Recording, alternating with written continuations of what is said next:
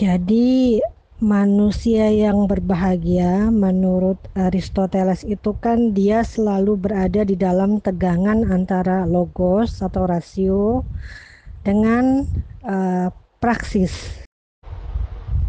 Nah, praksis itu kan berarti kita sebagai subjek berhadapan dengan manusia lain sebagai subjek. Uh, jadi Aristoteles mengatakan bahwa hidup bermasyarakat itu adalah bersahabat dan bersahabat itu berarti kita sama-sama uh, saling um, membangkitkan hal yang baik dalam diri teman dan diri kita.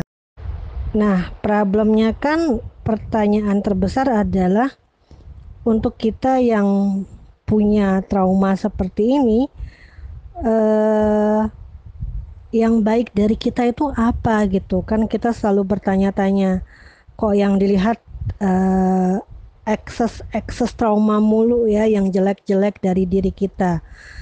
Nah, sebenarnya antara Stoa sama Aristoteles itu uh, koneksinya ada pada agere kontra. Tapi kan sebelum agere kontra pertanyaannya adalah bagaimana cara memilah diri kita yang sesungguhnya melalui opini yang baik, opini yang benar. Nah, opini yang baik dan opini yang benar kan berarti kita belajar dulu tuh eh, apa memperbaiki impresi kita, kesan kita terhadap apa-apa yang ada di hadapan kita dan apa-apa yang ada pada diri kita. Jadi setelah kita punya opini yang benar bahwa iya memang kita kalau aku ya misalnya ya betul aku itu giginya tonggos. Gigi tonggos kuping kiri lebih kecil daripada kuping kanan. Kaki kiri itu sedikit lebih pendek dari kaki kanan. Itu dulu.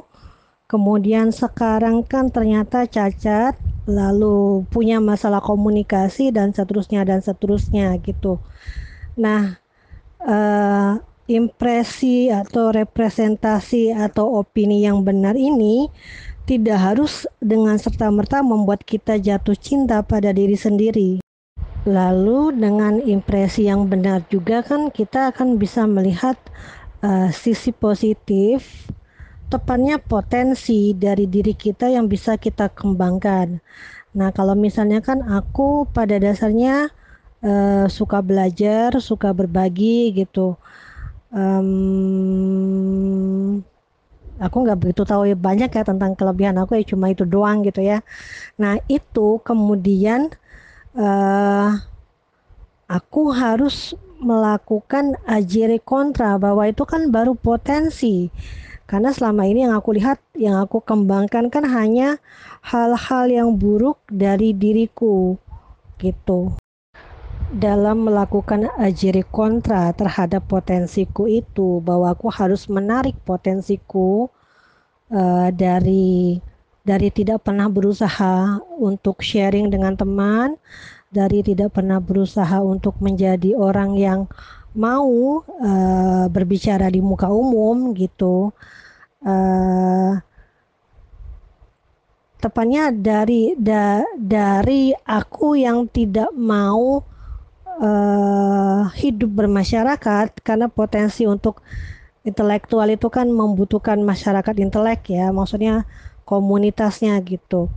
Nah, yang aku lakukan adalah ketika temanku minta aku untuk jadi uh, narsum di dalam IG Live, nah itu aku lakukan sebagai tindak ajere kontra. Karena kan uh, itu sebuah tindakan yang cukup nekat. Karena topiknya tentang filsafat dan perempuan.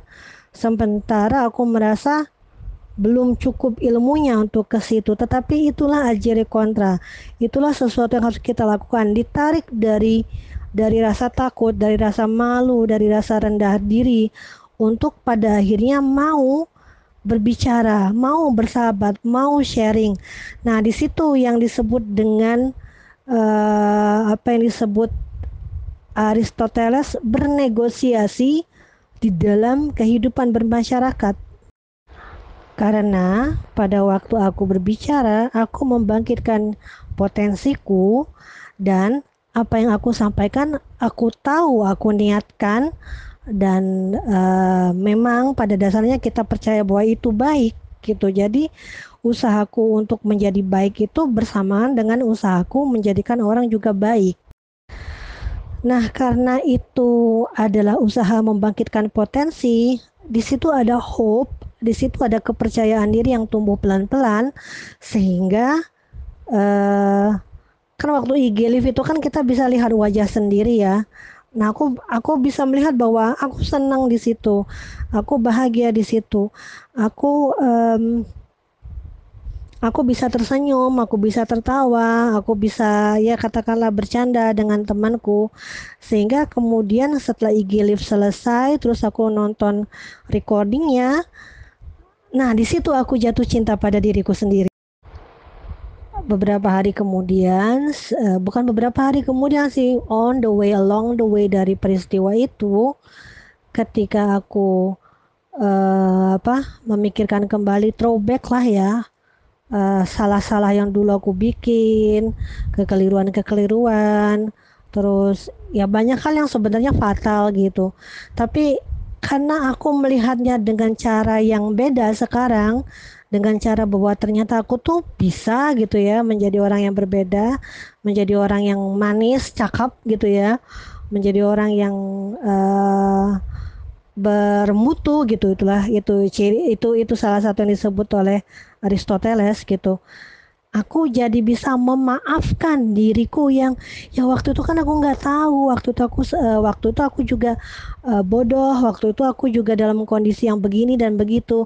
Ada excuse tapi excuse itu aku ngerti gitu loh.